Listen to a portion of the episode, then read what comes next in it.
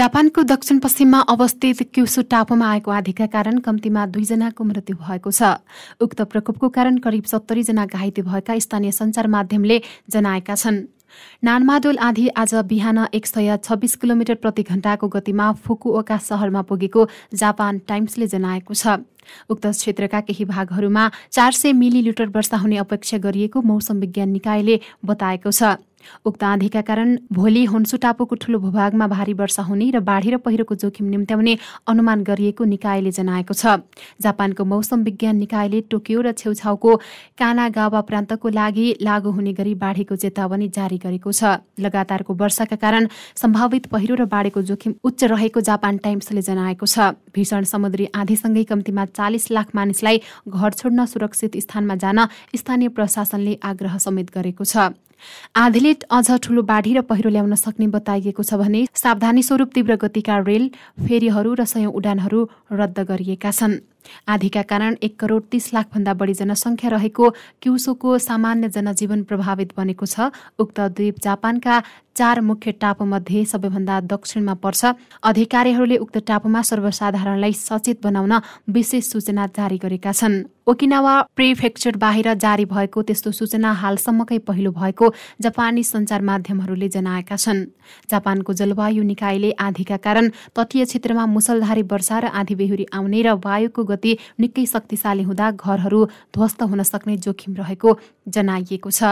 जापानको जलवायु निकायका एक अधिकारीले यो आधी सन् दुई हजार अठारमा आएको जेबी सन् दुई हजार उन्नाइसको हगेबिस आधीभन्दा खराब हुन सक्ने बताएका छन्।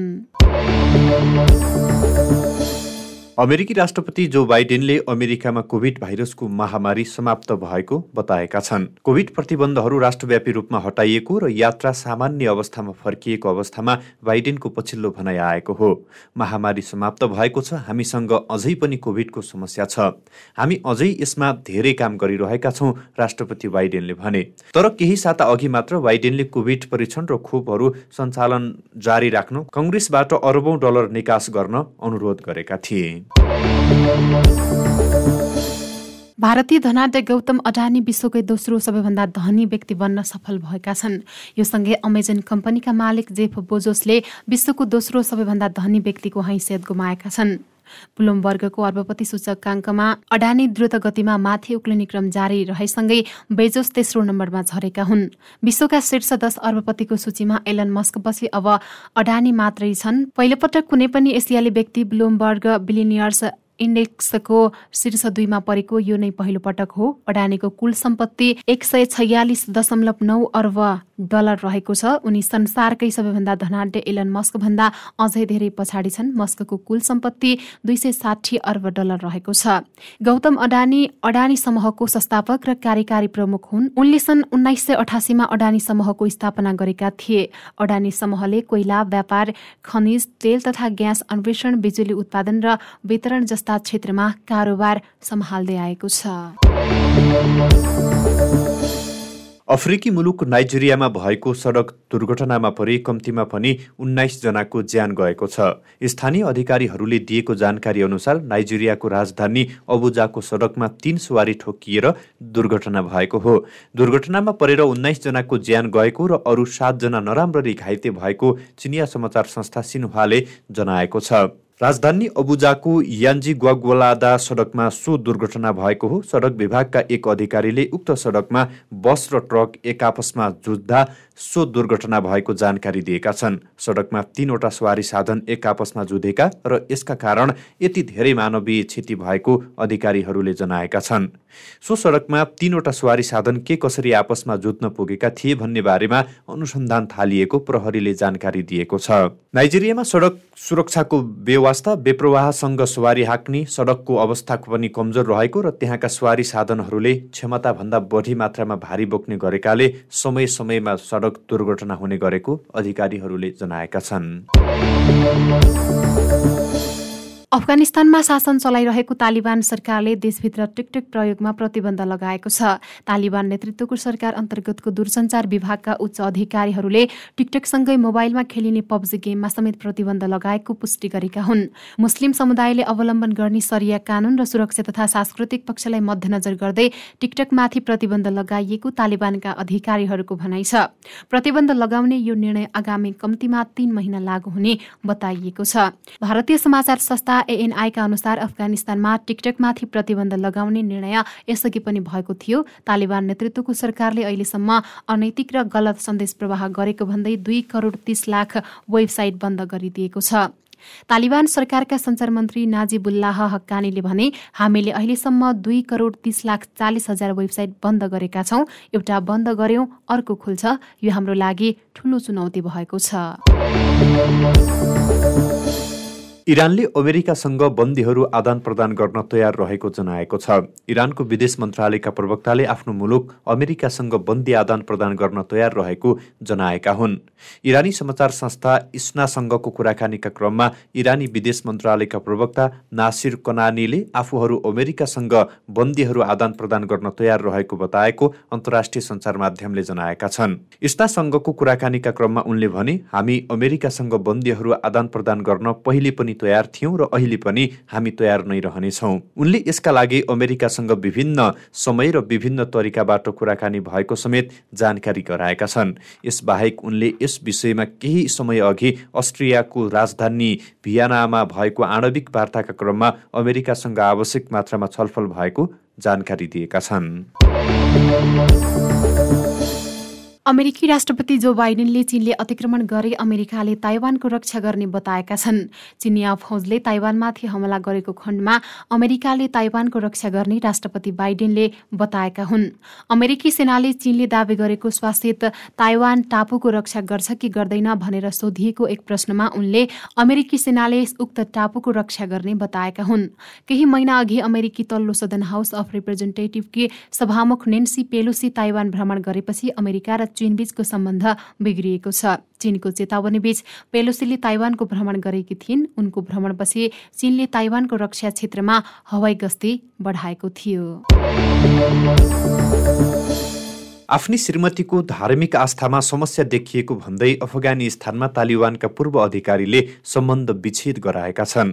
आफ्नी श्रीमतीको धार्मिक आस्था खस्किँदै गएको भन्दै तालिबानले आन्तरिक मामिला मन्त्रालयका पूर्व प्रवक्ता सईद खोस्तीले आफ्नी चौबिस वर्षीय श्रीमतीसँग सम्बन्ध विच्छेद गरेका हुन्।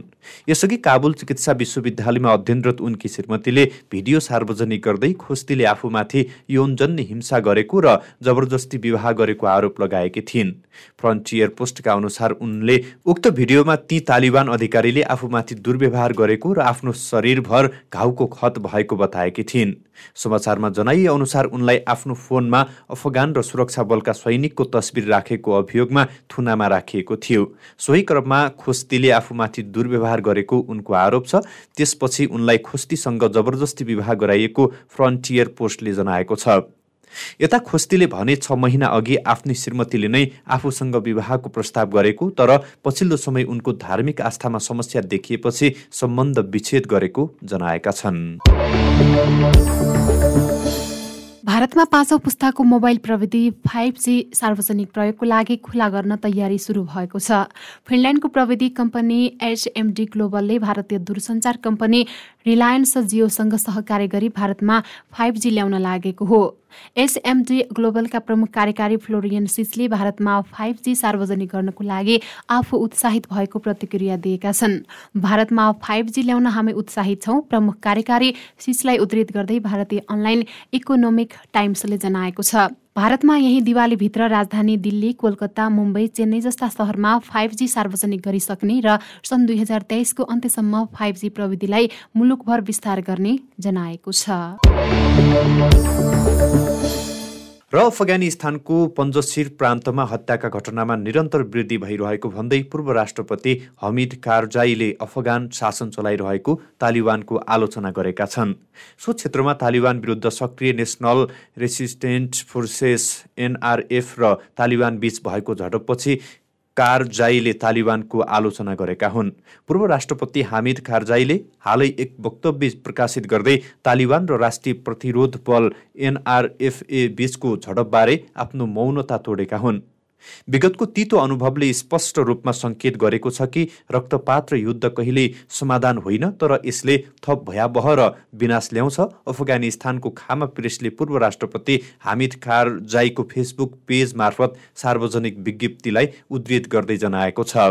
सेप्टेम्बर पन्ध्रमा अस्ट्रियाको राजधानी भियानामा अफगानिस्तानका राजनीतिज्ञहरू बीच तीन दिने छलफल सुरु भएपछि कारजाईको यो भनाइ आएको हो। नेसनल रेजिस्टेन्ट फ्रन्टका नेता अहम्मद मसुदले अफगानिस्तानको मुद्दा राजनीतिक निर्णयबाट मात्र समाधान गर्न सकिने बताएका छन्। भियाना बैठकमा एनआरएफका नेता अहम्मद मसुद पूर्व विदेश मन्त्री डाक्टर रङ्गिन डाफर स्पान्टा महिला अधिकारकर्मी तथा शान्ति वार्ताका लागि अफगान प्रतिनिधिमण्डलका पूर्व सदस्य फाउजिया कोफी र नर्वेका लागि पूर्व अफगानी राजदूत सुक्रिया बारेक जाई लगायत सहभागी रहेका छन्। खामा प्रेसका अनुसार अफगानहरूको दुर्दशा आर्थिक प्रणालीको पतन बालिकाहरूको शिक्षाबाट वञ्चित हुनु सञ्चार माध्यमका गतिविधिहरूमा प्रतिबन्ध र तालिबान शासन अन्तर्गत आतंकवादी समूहहरूको गतिविधिमा वृद्धि संयुक्त राष्ट्रसङ्घको कार्यालयमा छलफलको मुख्य विषय बनेका छन्। अन्तर्राष्ट्रिय आकलन अनुसार अफगानिस्तानमा अहिले सबैभन्दा धेरै खाद्य सुरक्षामा सङ्कट देखिएको छ। त्यहाँ दुई करोड तिस लाखभन्दा बढीलाई सहायताको खाँचो छ र करिब पञ्चा पन्चानब्बे प्रतिशत जनसङ्ख्यामा खाद्यान्न अपुग भएको छ। अफगानिस्तान पुनर्निर्माणका लागि अमेरिकाका विशेष प्रतिनिधिको एक प्रतिवेदन अनुसार अफगानिस्तानमा दुई करोड चौवालिस लाखभन्दा बढी मानिसलाई मानवीय सहायताको खाँचो देखिएको छ। प्रतिवेदनमा तालिबानले आफ्नो देशमाथि कब्जा जमाएको र अन्तर्राष्ट्रिय सहायतामा आएको कटौतीका कारण मानवीय सङ्कट बढ्दै गएको जनाइएको छ। अहिले करिब सत्तरी प्रतिशत अफगान नागरिकले दैनिक रूपमा आफ्ना आधारभूत आवश्यकता पूरा गर्न असमर्थ रहेको जनाइएको छ।